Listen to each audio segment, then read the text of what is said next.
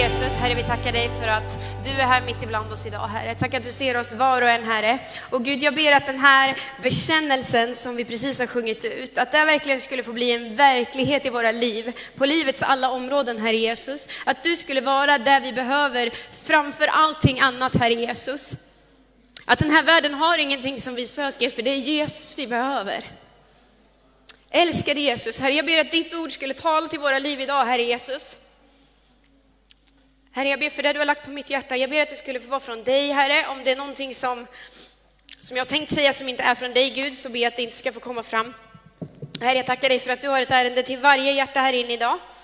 Eh, och Gud, väck en förväntan just nu på vad du vill göra i våra liv.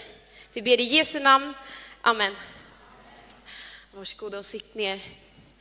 Eh, idag så, så tror jag att jag kanske kommer säga en del provocerande saker. Eh, det var länge sedan jag kände sån här, eh, ja men lite kamp eller vad man ska säga inför en predikan. För jag vet att det jag kommer säga idag kommer inte bara vara så här, åh vad härligt. Utan det kommer vara lite, ah, aha. Men vet ni, jättemycket av det Jesus säger, det är lite obekvämt. Tycker jag i alla fall. Och jag ber att du skulle ta emot det jag säger med en öppen hand och pröva det. Och själv läsa din bibel och se vad Jesus säger till dig utifrån vad jag predikar idag. Är ni med på det? Och jag vill också säga att jag predikar det här budskapet lika mycket till mig själv och jag blir exakt lika utmanad och provocerad själv. Så nu går vi in i dagens undervisning. Och Johan har faktiskt redan varit inne lite på det jag kommer predika om idag, så det är ju häftigt ibland hur Gud eh, leder oss. Idag så kommer vi prata om vem det faktiskt är vi tror på. Vem är det vi tror på? Och att vad det får för konsekvenser när vi vet vem vi tror på eller vad vi tror på, då tror jag att det får konsekvenser i våra liv som märks, som syns, som hörs och som påverkar andra. Jag vill läsa med er tillsammans ifrån Andra Timoteusbrevet, det första kapitlet, nu har jag kanske skrivit fel till dig Aurelia, ser jag nu. Men det eh, andra Timoteusbrevet, det första kapitlet och vers 12. Jag tror att jag sa andra kapitlet till dig, jag ber om ursäkt. Skriv upp det. Andra Timoteus 1 och 12. Där skriver Paulus så här. Det är därför jag får lida allt detta, men jag skäms inte. För jag vet vem jag tror på. Och jag är övertygad om att han som har makt att fram till den dagen bevara det som han förtrotts mig. Paulus skriver, jag vet vem jag tror på. Vet du vem du tror på? För det är vem vi tror på som gör hela skillnaden. Man kan tro på vad som helst idag. Man kan välja själv vad man tror på. Man kan ha lite så här tro i allmänhet. Tror du? Ja, men jag tror. Att bara tro, det spelar egentligen ingen roll. Men det är vem vi tror på som gör hela skillnaden. Eller hur? Det är att vi tror på Jesus som gör en skillnad.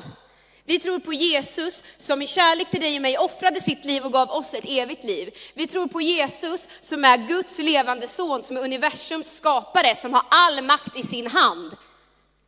Det är honom vi tror på. Och det är det som gör hela skillnaden. Vem det faktiskt är vi tror på. Jag tror att vi behöver tro mer på Jesus än på oss själva. Jag säger inte att du inte ska tro på dig själv. Jag tror att det är viktigt att vara trygg i sig själv, att tro på mig själv, att tro att jag faktiskt kan någonting. Men över det och viktigare än det så är det att tro på Jesus.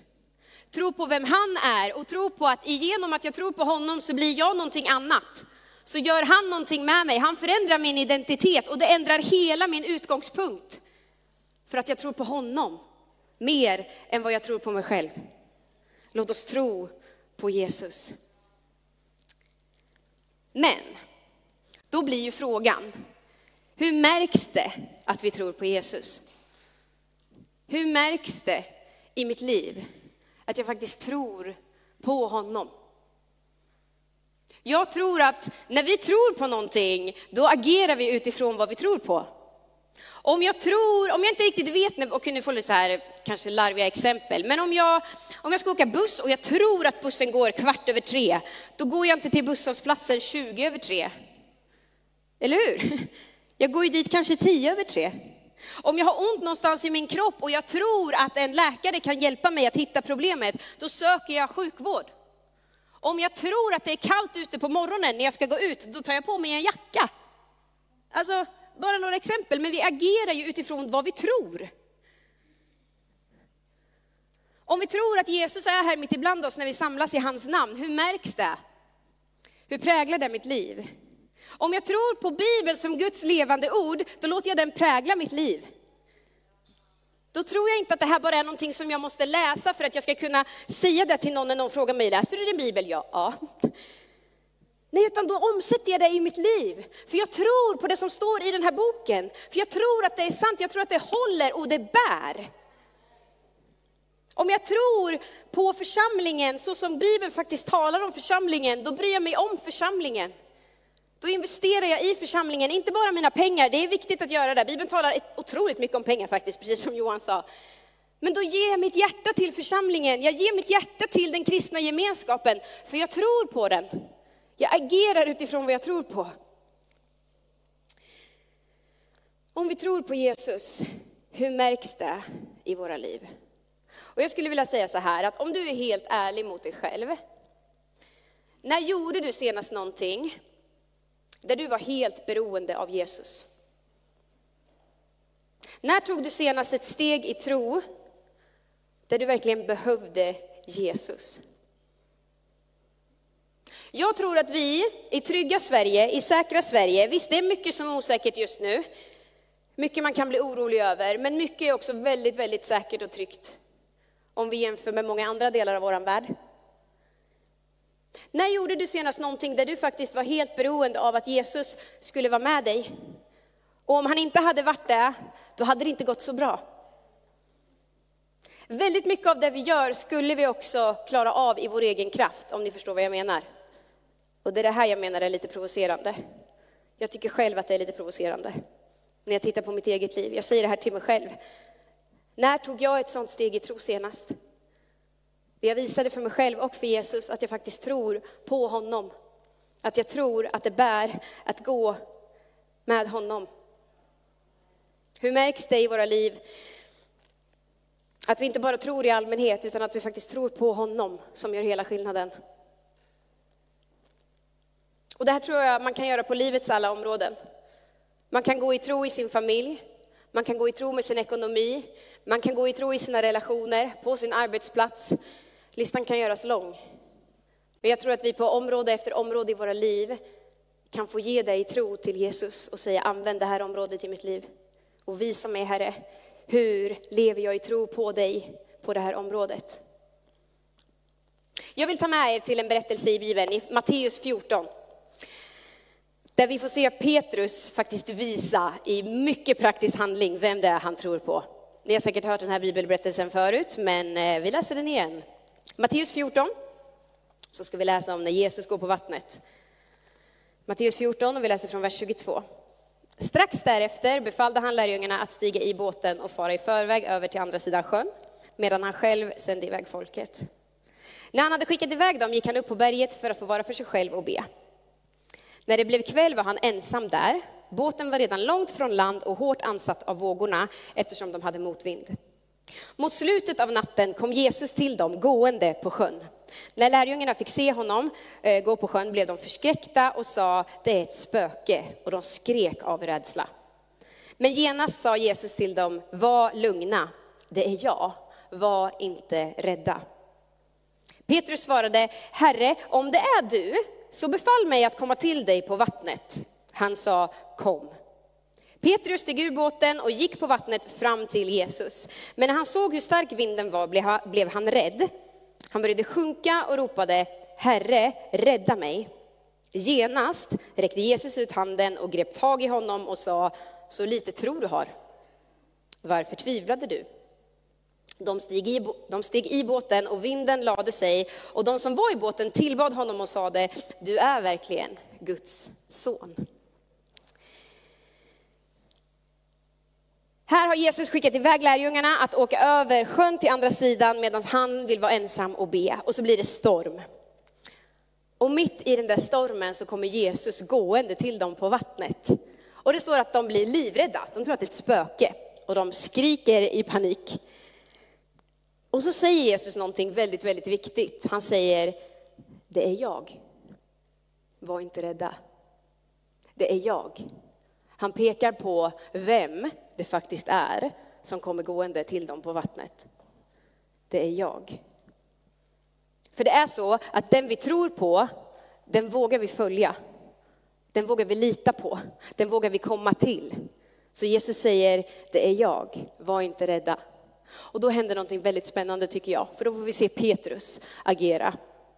Och då säger Petrus, Jesus om det är du, så se till mig att komma till dig på vattnet. Jättekonstigt. Det logiska för Petrus, det hade varit att sagt, Jesus om det är du så stilla den här stormen. Eller hur? Men han säger Jesus om det är du så se till mig att komma till dig på vattnet. För Petrus visste vem han trodde på. Och han visste förmodligen att om det var så att det där var Jesus, då kunde han gå till honom. För han litade på Jesus, han visste vem Jesus var, han trodde på Jesus. Och om det var Jesus, då ville han gå till honom på vattnet. Det var vem Petrus trodde på som gjorde hela skillnaden. Och Jesus kallar oss alltid att följa honom. Vi kan läsa några kapitel tidigare i Matteus om hur äventyret för Petrus och de andra lärjungarna började. Det började då med att Jesus sa, kom. Kom och följ mig och jag ska göra er till lärjungar. Och här hittar vi liksom de, några kapitel senare och Jesus säger samma sak. Kom. Han utmanar oss alltid att följa honom, att komma till honom, att gå med honom. Och på den resan så kommer du och jag behöva gå i tro. För Jesus är alltid på väg någonstans. Jesus har alltid ett uppdrag och han utmanar dig och mig att gå på det äventyret tillsammans med honom. Han säger inte bara kom till mig och sen så kommer du få stå och krama mig hela ditt liv. Utan han säger kom, följ mig, jag är på väg någonstans, jag har ett uppdrag för den här världen och jag vill att du går med mig på det här äventyret. Vi lever ju i en tid idag, precis som vi redan har sagt, där omständigheter blir svårare och svårare. Och det kan vara lätt att bli orolig idag, det kan vara lätt att känna hur ska jag klara den här vintern rent ekonomiskt, räntor hit och dit och jag känner att jag fattar ingenting, jag behöver förstå det här. Så känner jag. Eh, livsmedelspriserna går upp, bensinen och dieseln behöver vi inte ens prata om. Det är inte konstigt att man blir orolig, omständigheterna förändras. Men i det där så förändras inte Jesus. I det där så förändrades inte vem Jesus är och trots att våra omständigheter förändras så säger han kom. Så säger han följ mig. Petrus vågade lämna båten och gå ut på vatten. Och det står att han började gå fram till Jesus och sen så händer någonting. Han släpper blicken på Jesus och börjar titta på sina omständigheter. Det är som att han kommer på att det här kan man ju inte göra. Det jag gör just nu, det borde inte gå.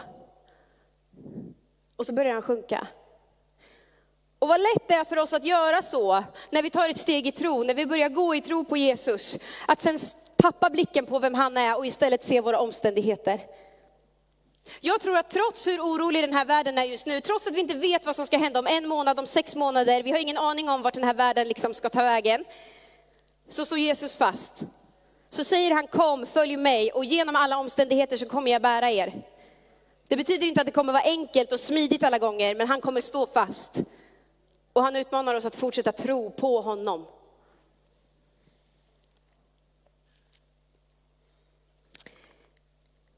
När de kommer tillbaka till båten, det, också, det vill jag också bara säga, det som är så härligt är också att Petrus börjar tvivla, han blir orolig, han ser sina omständigheter börja sjunka och ropar Jesus hjälp mig. Och vad gör Jesus då? Det står att genast sträckte Jesus ut handen och drog upp honom. Men sen kommer de tillbaka till båten och då händer någonting väldigt intressant tycker jag. Då säger Jesus någonting som jag tycker är väldigt provocerande. Vers 21. Så lite tro du har, varför tvivlade du? Han har precis gått på vatten. Han har precis lämnat båten mitt i en storm och följt en kallelse. Alltså, han har liksom gått på det kommet Jesus sa.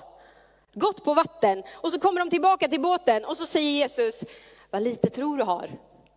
Varför tvivlar du? Alltså i mitt huvud, jag får inte ihop det här. Hur kan han säga så? Vad lite tro du har, varför tvivlade du? Han lämnade ju båten. Jag tycker han tog ett jättestort steg i tro. Men jag tror att vi så ofta förminskar vem Jesus är och vad han faktiskt kan göra.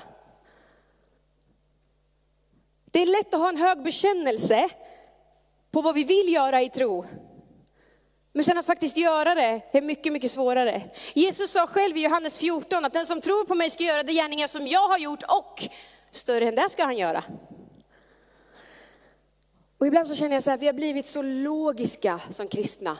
Vi har blivit så liksom, ja men vi har lätt för att tänka ut allting själva med våra egna små hjärnor och veta, ja men det här funkar, så här är det. Vart ger vi Gud plats för att verkligen visa vem han är och vad han kan göra? När ger vi honom det mandatet där vi bara, det här kan vi inte fixa själva, utan vi är så beroende av dig nu Gud att du ska visa vem du är i den här situationen. Jag skulle vilja få fram lite rekvisita här. Så Albert och Johan kommer hjälpa mig lite.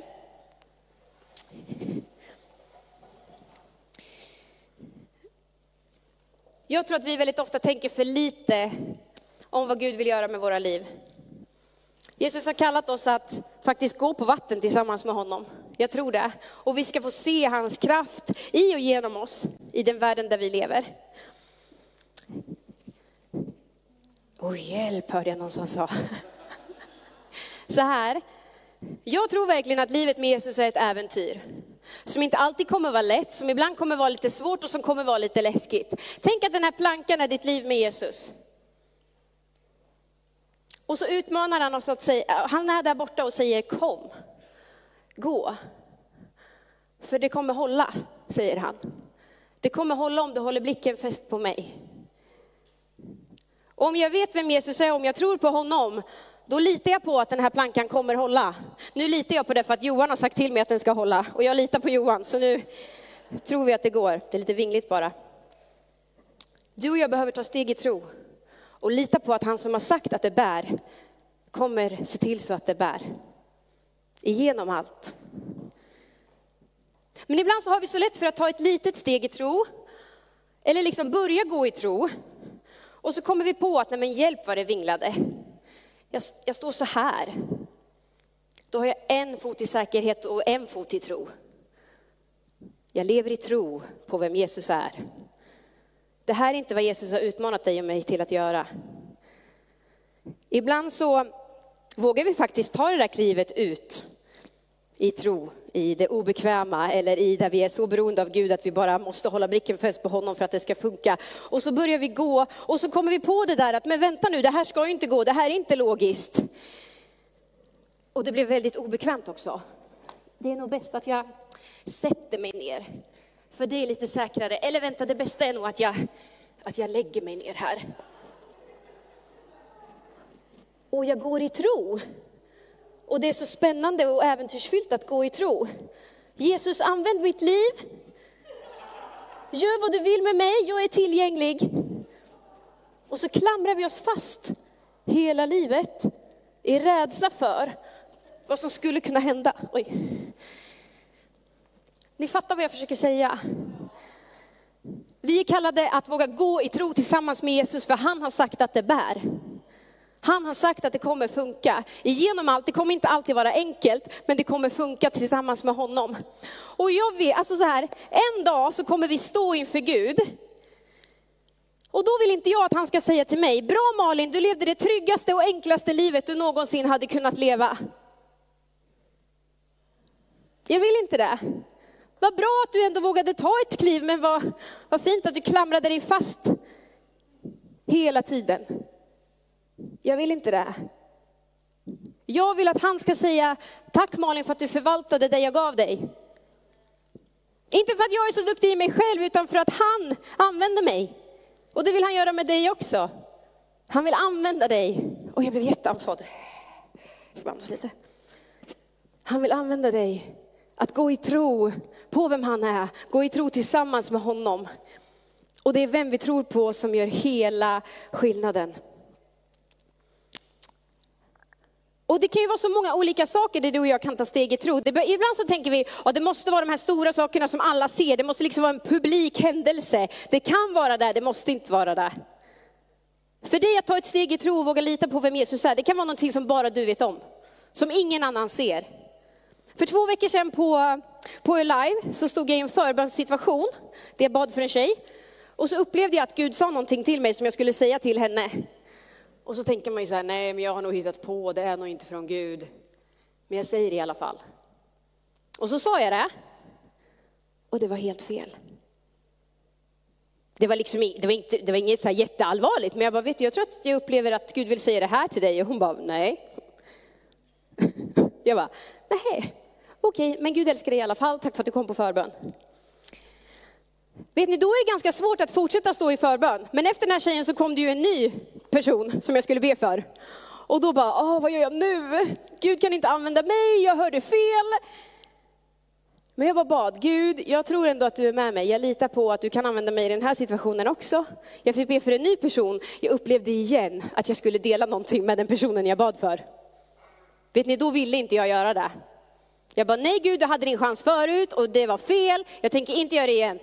Jag klamrade mig fast, okej? Okay? Jag sa nej, jag tänker inte göra det igen. Men Gud gav sig inte. Han sa, du ska dela det här som du upplever ligger på ditt hjärta just nu. Jag gjorde det och den gången föll det rätt. Den personen sa, hur kunde du veta? Vet ni, bara för att vi tar ett steg i tro en gång och misslyckas så kan vi inte sluta. Ibland kommer vi misslyckas. Men Gud är god och det bär i alla fall. Och han har lovat att de stunderna när vi inte riktigt vet hur det ska gå eller när vi känner att nu sjunker vi, då sträcker han genast ut sin hand och säger kom igen, nu börjar vi om, nu går vi igen. Och det kan vara i de små och i de stora sakerna. Jag vill än en gång läsa det vi läste i början, när Paulus skriver i andra Timoteusbrevet. För jag vet vem jag tror på. Jag vet vem jag tror på. Vet du vem du tror på? Och om du gör det, hur märks det i ditt liv? Hur påverkar det ditt liv? När tog du senast ett steg i tro där du var beroende av att Gud verkligen skulle vara med dig? Där om han inte hade varit där så hade det inte funkat. Om du inte ens kan svara på den frågan, då skulle jag vilja utmana dig idag att be till Gud. Och på nytt säga, Herre, använd mig. Använd mig, jag vill gå i tro. Jag vill gå på vatten tillsammans med dig Jesus. Vi ska alldeles strax landa och jag ska be och vi ska betjäna varandra och vi ska sjunga lovsång tillsammans. Så vi kan plocka bort lite grejer här. När Petrus vågar gå i tro, så läser vi i slutet av den här berättelsen att de andra började tillbe Jesus och säger, han är verkligen Guds son. Det som händer när du och jag vågar gå i tro på vem vi tror på, då kommer andra förstå vem Jesus är. Jesus blev inte bara större för Petrus i den här situationen, utan för alla som var i båten. Det betyder att människor runt omkring kommer förstå mer av vem Jesus är, när du och jag verkligen vågar leva i tro på honom. Hur kan de vara så trygga trots att världen är kaos? Nej, men för vi tror på Jesus. Vi tror att Jesus har större makt än Putin. Vi tror att det är Jesus som håller den här världen i sin hand, inte ekonomin. Eller vad det nu än kan vara. Och det kommer inte alltid vara enkelt. Men Gud har också kallat oss till att ha varandra i det här. Och jag tror att det händer någonting när vi tillsammans bestämmer oss för att gå i tro. Vi tänker inte bara leva i den där lilla trygga bubblan längre, utan vi tänker kliva ut på plankan i tro och lita på att Jesus bär oss. Det kan vi göra som individer i våra privata liv och vi kan göra det som församling tillsammans. Och vi kan bära varandra och stötta varandra och hjälpa varandra. Alldeles strax så kommer vi, teamet kan få komma fram för vi ska alldeles strax lovsjunga tillsammans. Och så kommer vi öppna upp förbönsplatsen också och betjäna varandra. Och kanske är det så att du finns här inne som, som känner så här, bara, men på riktigt, jag behöver ju ta ett steg i tro. För någon kan det vara att ta ett steg i tro att bara gå på förbön. Eller bara, jag ska inte säga bara. Det kan vara ett steg, det är ett steg i tro att gå på förbön. Det är att praktiskt med hela sig själv visa, jag tror att det händer någonting när någon ber för mig. Jag tror inte bara att det är en tom ritual som vi gör för att vi ska fylla ut en gudstjänst, utan vi tror ju i Jesu namn att det händer någonting när vi ber till himmelens skapare och lägger händerna på varandra. Kanske ska du göra det idag. Kanske ska du idag lämna din plats och söka förbön för det behovet eller det problemet eller det du har i ditt liv. Kanske är det så att du bara behöver fatta ett nytt beslut, att jag behöver kliva, ut den här, kliva ur den här trygga båten som jag har levt i allt för länge nu. Kanske är det liksom med hela ditt liv, du bara behöver säga Jesus på nytt, använd mig. Eller så finns det ett visst område i ditt liv som du på riktigt bara behöver ge till Jesus och säga, jag tror på dig även på det här området i mitt liv.